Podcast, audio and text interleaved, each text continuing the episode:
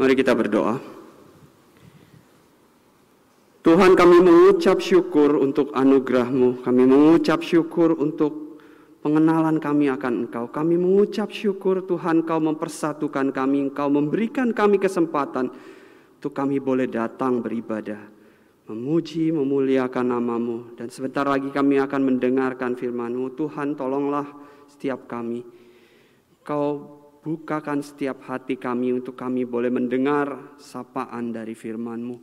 Kau boleh pakai setiap perkataan dari hambamu, kau boleh pakai kiranya boleh menyampaikan firmanmu, agar boleh kami mengerti dan kami lakukan dalam kehidupan kami. Terima kasih ya Tuhan, terima kasih. Kami menyerahkan untuk pemberitaan firman Tuhan ini ke dalam tanganmu. Di dalam nama Tuhan Yesus kami telah berdoa dan mengucap syukur. Amin. Shalom Bapak Ibu Saudara yang dikasih di dalam Tuhan. Puji syukur kita boleh kembali datang beribadah kepada Tuhan, baik jemaat-jemaat sekalian yang boleh datang secara onsite di gereja ini maupun jemaat sekalian yang mengikuti lewat live streaming. Kiranya kasih karunia dan damai sejahtera dari Allah Bapa dan Tuhan kita Yesus Kristus boleh menyertai kita semua. Nah, Bapak Ibu Saudara yang dikasih di dalam Tuhan, sepanjang bulan Oktober ini kita akan kembali melanjutkan seri pembahasan tema kita sepanjang tahun 2021. Kita akan melanjutkan kembali seri pembahasan tema kita sepanjang tahun 2021. Mungkin dari Bapak Ibu sekalian ada yang ingat tema tahunan kita untuk tahun 2021 ini kita membahas tentang apa sih? Mungkin Bapak Ibu yang menyaksikan di live streaming bisa mengetikkannya di kolom live chat. Kalau misalnya mengingat ada hadiah menarik mungkin yang disediakan oleh majelis ya. Uh, mungkin Bapak Ibu yang datang di gereja ada yang ingat sepanjang tahun ini kita bahas tentang apa sih? Terima kasih untuk jawabannya. Gak apa-apa kalau kita nggak ingat, karena memang tugas kami ketika kami menyampaikan firman Tuhan adalah untuk mengingatkan terus. Biasanya kalau kuartanya masih dicetak, tema tahunan kita itu dicetak di bagian depan, di halaman depan warta kita.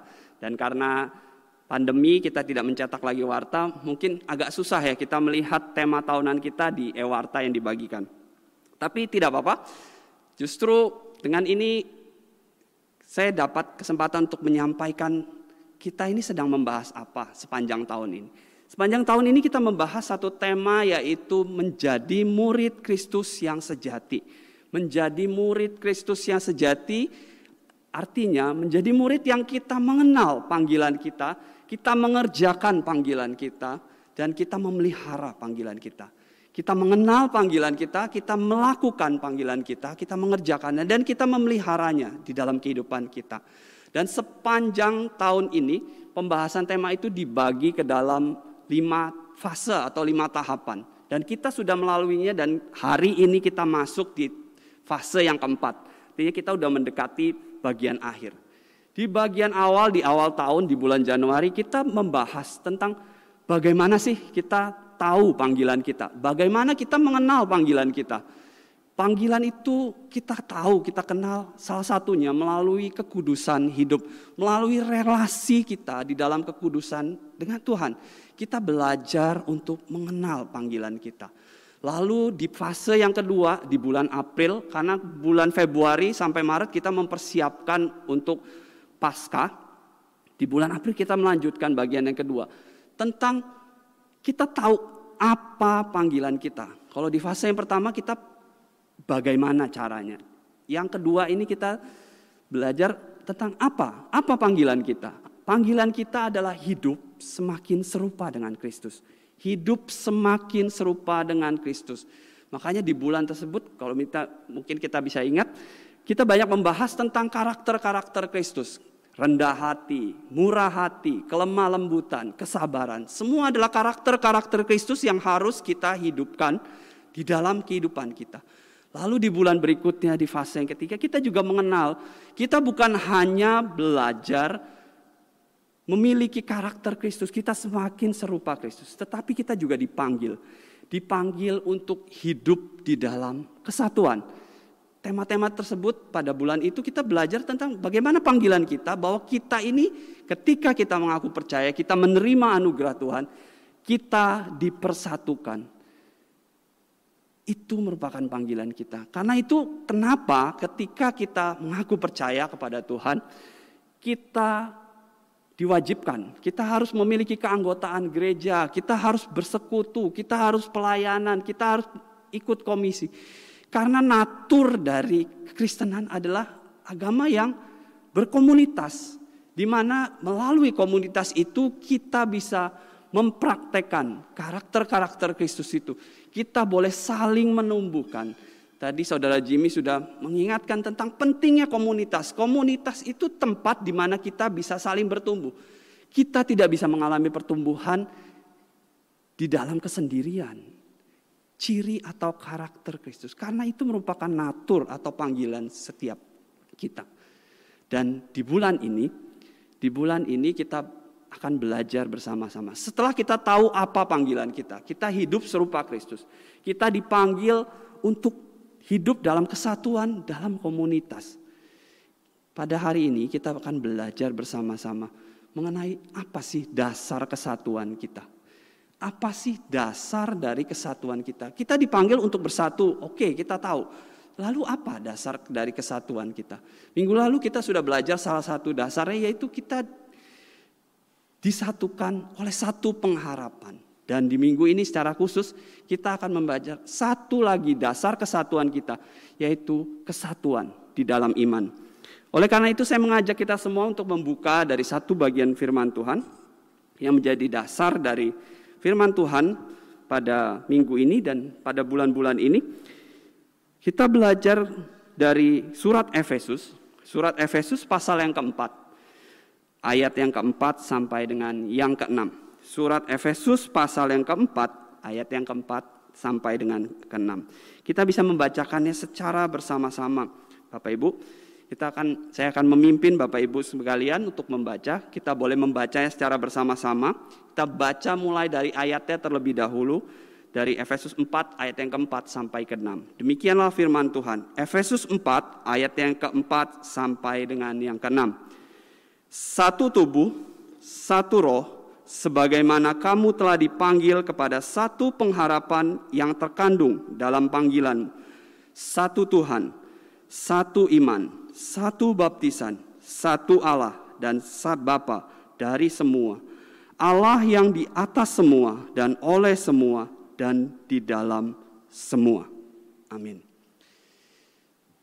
Bapak Ibu Saudara yang dikasih di dalam Tuhan, ketika kita membaca bagian ini kita akan mendapati ada tujuh kata benda. Tujuh kata benda, tujuh entitas yang dituliskan oleh Rasul Paulus.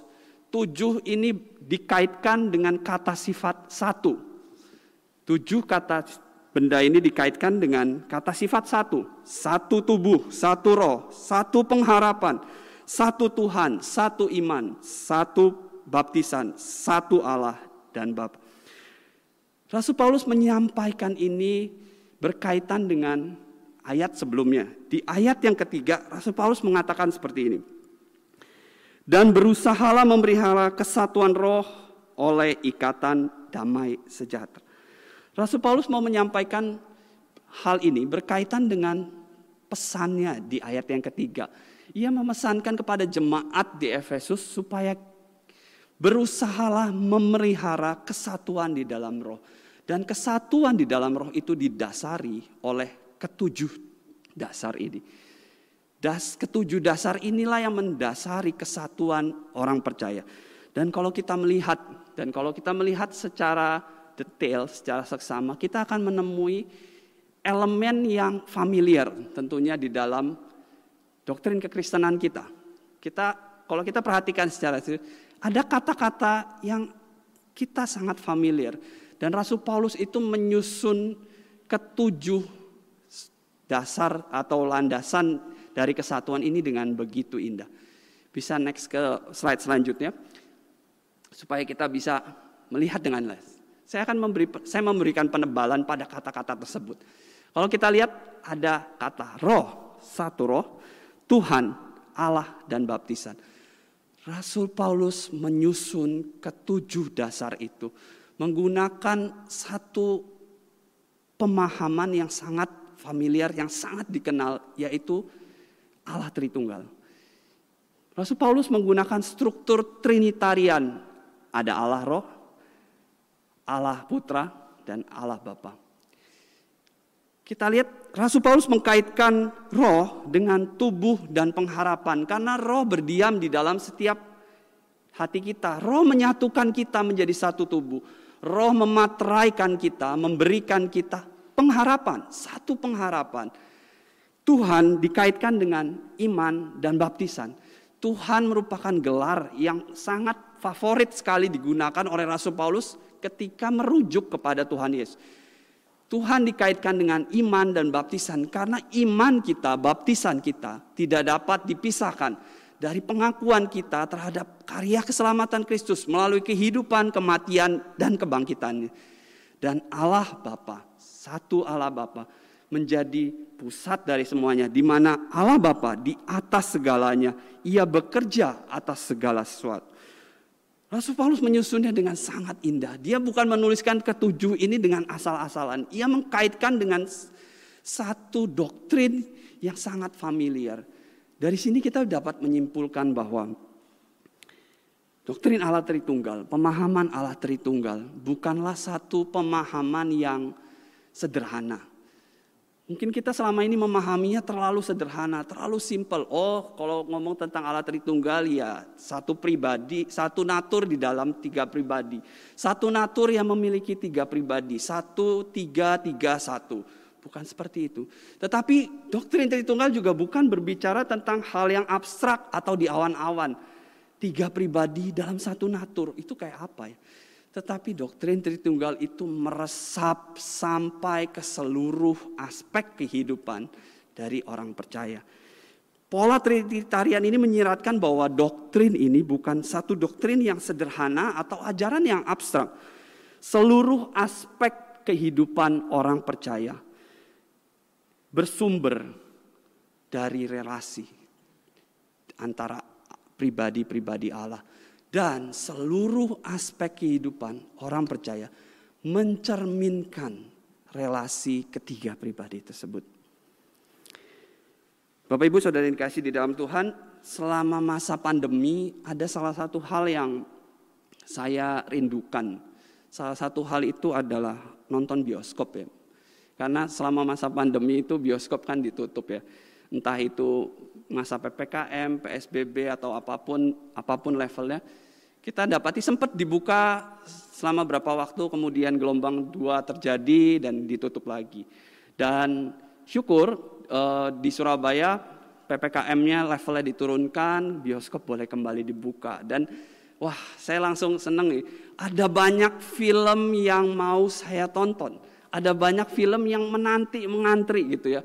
Banyak rumah produksi film itu sengaja menunda karena bioskop-bioskop banyak yang belum buka.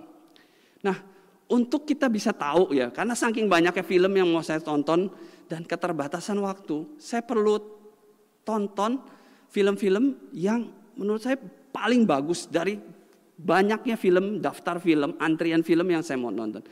Salah satunya supaya kita tahu itu kita ngapain Bapak Ibu. Kita nonton trailer ya, cuplikannya. Biasanya di YouTube banyak ya trailer film ini, trailer film ini, trailer pertama, trailer kedua sampai trailer final bahkan dimunculkan. Dari situ, dari trailernya tersebut kita bisa dapat gambaran. Oh, film ini ini aktornya siapa aja sih gitu ya. Yang main siapa aja. Kira-kira alur ceritanya, gambarannya kita bisa dapat melalui cuplikan film tersebut. Oh, film ini dikerjakannya dengan visual effect seperti apa? siapa aja yang terlibat. Dari gambaran tersebut kita bisa melihat meskipun dari trailer tersebut yang cuma satu menit, dua menit atau bahkan cuma tiga menit itu tidak bisa menggambarkan keseluruhan filmnya, tapi kita bisa dapat cerminan kira-kira film yang kita mau tonton itu seperti apa supaya ketika kita datang kita nggak zong, eh ternyata begini filmnya, tahu gitu saya nggak nonton gitu ya. Nah begitu juga dengan kehidupan kita sebagai orang Kristen, Bapak Ibu. Kehidupan kita sebagai orang percaya seharusnya mencerminkan Allah kita, menggambarkan bagaimana Allah kita. Kehidupan kita sebagai manusia seharusnya bersumber dan mencerminkan seperti apa Allah kita, Allah yang kita sembah, Allah Tritunggal, Allah Bapa, Allah Putra, dan Allah Roh Kudus. Dan cerminan itu juga yang seharusnya tampak dalam kehidupan kita bergereja, bukan Bapak Ibu. Cerminan itu juga yang seharusnya tampak di dalam kehidupan kita berkomunitas. Kesatuan di dalam komunitas merupakan hal yang penting, dan itu terjadi secara natural karena kita mengakui iman di dalam Yesus Kristus. Tetapi kesatuan ini perlu dipelihara. Jadi panggilan kita bukan untuk menciptakan kesatuan karena kesatuan itu diberikan langsung oleh Allah. Ketika kita mengaku percaya kepada Allah, Allah mempersatukan kita. Tugas kita adalah untuk memelihara kesatuan tersebut. Hal ini dituliskan Rasul Paulus di ayatnya yang ketiga. Bahwa kesatuan itu merupakan hal yang penting dan natural, alami ketika kita mengaku percaya. Kita sudah disatukan.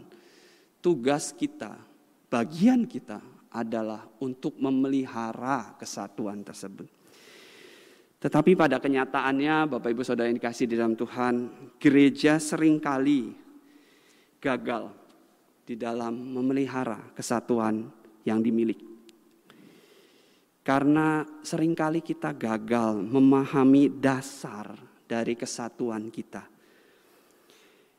Selama masa studi dan pelayanan saya, saya banyak ditempatkan di gereja-gereja yang mengalami konflik perpecahan atau bahkan punya sejarah perpecahan.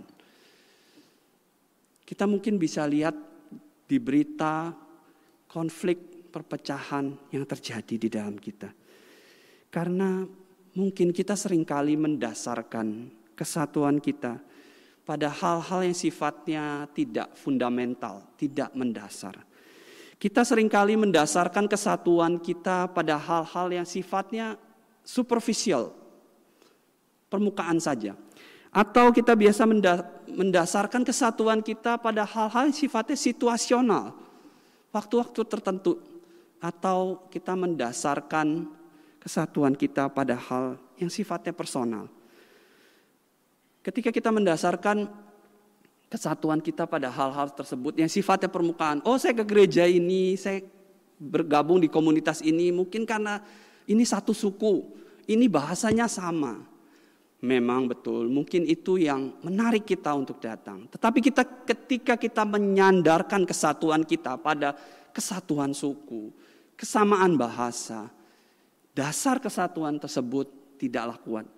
Ketika kita menyandarkan pada dasar yang situasional, oh saya ke gereja ini karena ya paling dekat lah, paling dekat dari rumah saya karena cuma berapa langkah udah nyampe. Atau karena saya mungkin bekerja, ada kontrak kerja di gereja ini, makanya saya datang ke gereja ini. Atau mungkin alasan-alasan yang personal, oh karena ada orang yang saya sukai nih di gereja ini, makanya saya datang. Atau saya suka nih dengan musiknya, saya suka nih dengan pengkhotbahnya. Ketika kita mendasari kesatuan gereja kita pada hal-hal tersebut, tidak heran gereja sering kali mengalami pertikaian. Seringkali gereja mempeributkan atau bertengkar terhadap hal-hal yang sebenarnya tidak mendasar, tidak fundamental.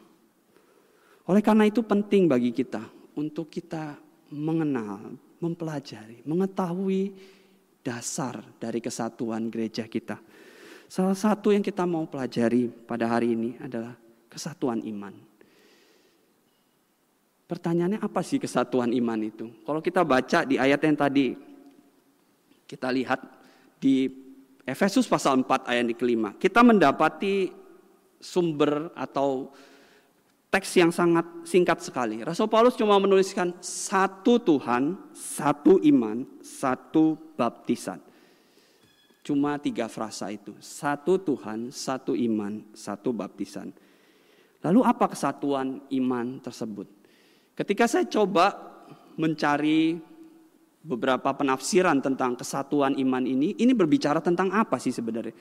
Saya mendapati setidaknya ada dua kelompok orang yang menggolongkan kesatuan iman itu seperti apa. Kesatuan iman itu kata satu kelompok, oh itu berbicara tentang bagaimana tindakan aktif kita untuk percaya kepada Tuhan. Kesatuan iman itu ketika kita sama-sama percaya, tindakan aktif, act of believing, tindakan aktif kita. Dan di kelompok lain ada ngomong kesatuan iman itu, oh berbicara tentang substansi iman dasar Kristen. Pengajaran dasar Kristen. Kelompok pertama berbicara tentang tindakan. Berbicara bagaimana kita percaya kepada Tuhan. Kelompok lain itu berbicara tentang kontennya, tentang isinya, tentang substansi dasar, isi dasar dari pengajaran iman Kristen. Ketika saya melihat ini, wah jadi apa sebenarnya yang dimaksud satu iman di dalam bagian ini? Saya menemukan satu tulisan yang di mana dia ngomong mengkomentari tentang kedua kelompok ini. Dia mengatakan seperti ini. Kedua pengertian tersebut benar. Dia tidak menolak salah satu dan memilih yang lain. Kedua pengertian tersebut benar karena tidak ada kesatuan Kristen yang sejati kecuali ada komitmen bersama terhadap doktrin Kristen. Jadi dia menerima ini keduanya. Karena tidak ada kesatuan Kristen yang sejati kalau kita tidak ada tindakan act of belief. Kita percaya dan tidak ada sesuatu yang kita percaya. Jadi melibatkan keduanya. Tetapi dia mau memberikan satu hal yang menurut saya menarik.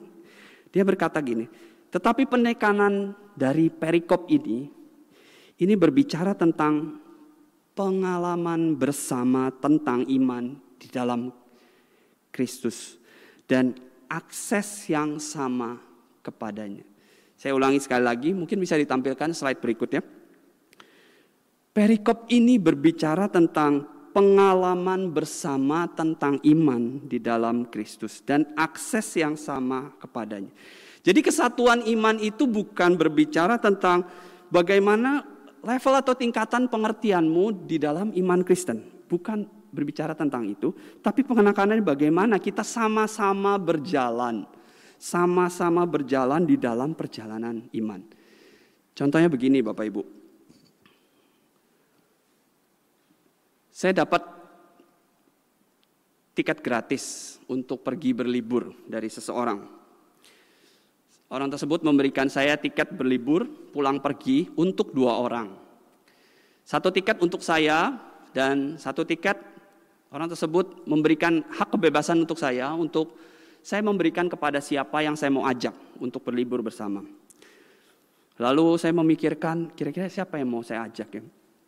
Lalu saya memutuskan untuk mengajak seorang teman saya yang saya tahu seumur hidupnya dia nggak pernah merasakan namanya naik pesawat. Jadi saya dapat tiket gratis untuk dua orang, naik pesawat pulang pergi untuk berlibur.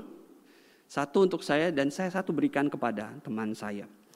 Dan saya berikan kepada teman saya yang saya tahu dia tidak pernah seumur hidupnya naik pesawat, mengalami pengalaman naik pesawat.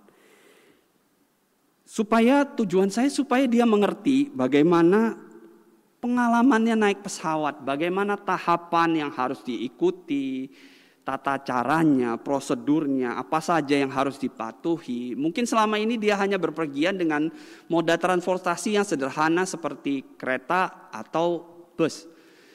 Ketika dia naik pesawat, dia akan mengalami pengalaman yang berbeda.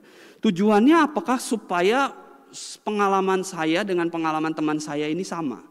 Enggak, karena mungkin mungkin saya udah belasan kali atau puluhan kali naik pesawat pulang pergi pulang pergi. Teman saya ini belum.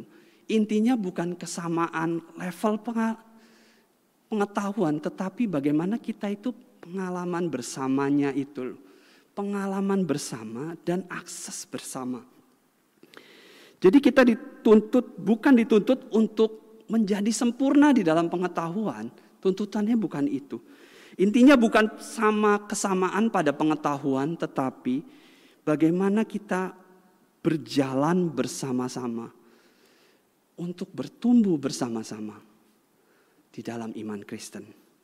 Kita tidak dituntut untuk memahami Allah yang seutuhnya. Karena siapa yang bisa dapat memahami Allah seutuhnya? Allah yang tidak terbatas itu sementara kita manusia terbatas.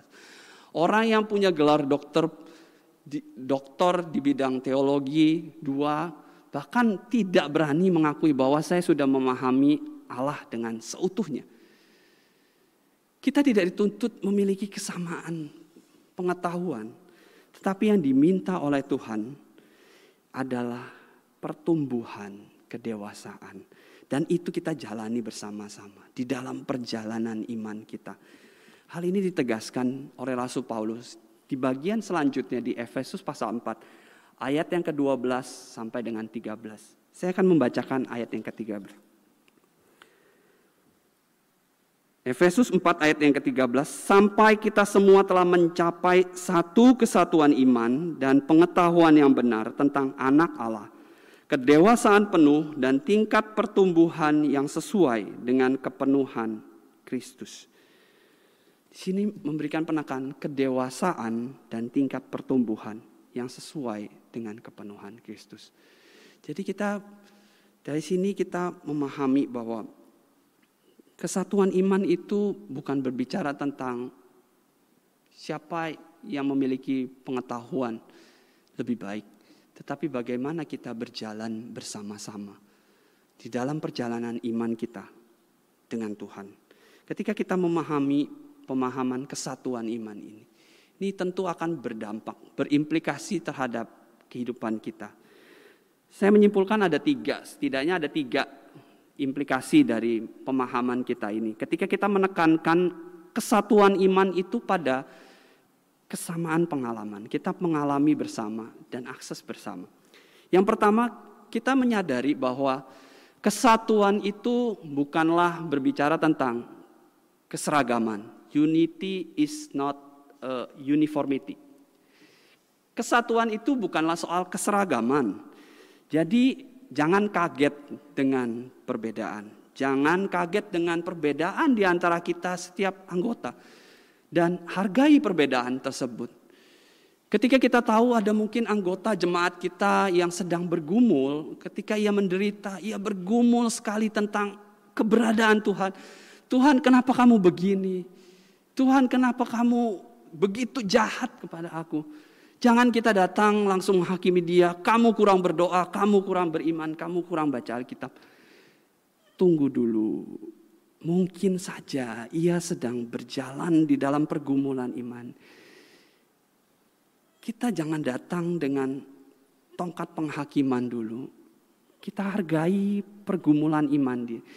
Kita bantu dia, kita bimbing dia untuk bersama-sama. Mungkin di situasi yang sama kita mungkin lebih siap karena kita sudah mengalami pergumulan yang lain terlebih dahulu. Mungkin kita sudah banyak mendengar atau baca buku tentang teologi penderitaan, problem of evil, bagaimana Allah itu tetap berkuasa di tengah penderitaan, di tengah kenyataan penderitaan yang ada. Bantu dia, tolong dia. Seperti yang dikatakan Rasul Paulus, bertolong-tolonglah Saling membantulah dan tunjukkanlah kasihmu dalam hal saling membantu. Ketika kita tahu hal ini, kita jadi tidak kaget dengan perbedaan-perbedaan, level tingkat iman.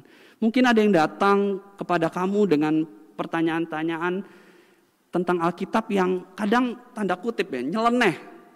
Kok bisa sih ini nanyanya kayak gini gitu ya. Apa kamu kurang baca Alkitab?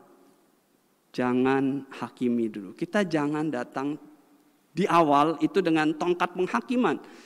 Kita coba pahami dia. Mungkin aja dia baru start.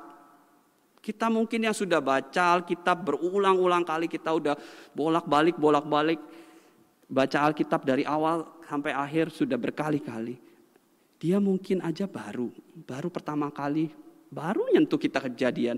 Udah banyak pergumulan, banyak pertanyaan. Ketika mungkin ada anggota kita, anggota jemaat kita yang mungkin bertanya dan pertanyaan itu kadang nyeleneh. Coba kita bantu, kita bimbing dia. Kita berikan pemahaman yang menyeluruh supaya bisa dapat mengerti keseluruhan. Allah itu seperti apa sih? Kita berjalan bersama-sama. Karena kesatuan itu bukan hanya berbicara tentang penerimaan, tetapi berbicara tentang kedewasaan. Kesatuan berbicara tentang mendewasakan. Kita sama-sama berjalan, betul. Kita tahu kita ada di level yang berbeda, tetapi kita berjalan di jalan yang sama. Kita berjalan di jalan sama, menuju ke tujuan yang sama untuk semakin serupa Kristus. Jadi ketika di awal kita tahu mungkin dia baru belajar firman Tuhan, baru mulai mengerti, mengalami pergumulan. Kita bimbing dia, kita arahkan dia sambil kita juga bertumbuh.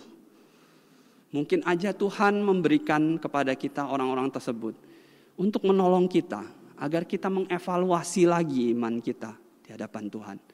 Kalau kita sudah merasa puas, kita sudah merasa kenal dengan Tuhan kita, hati-hati.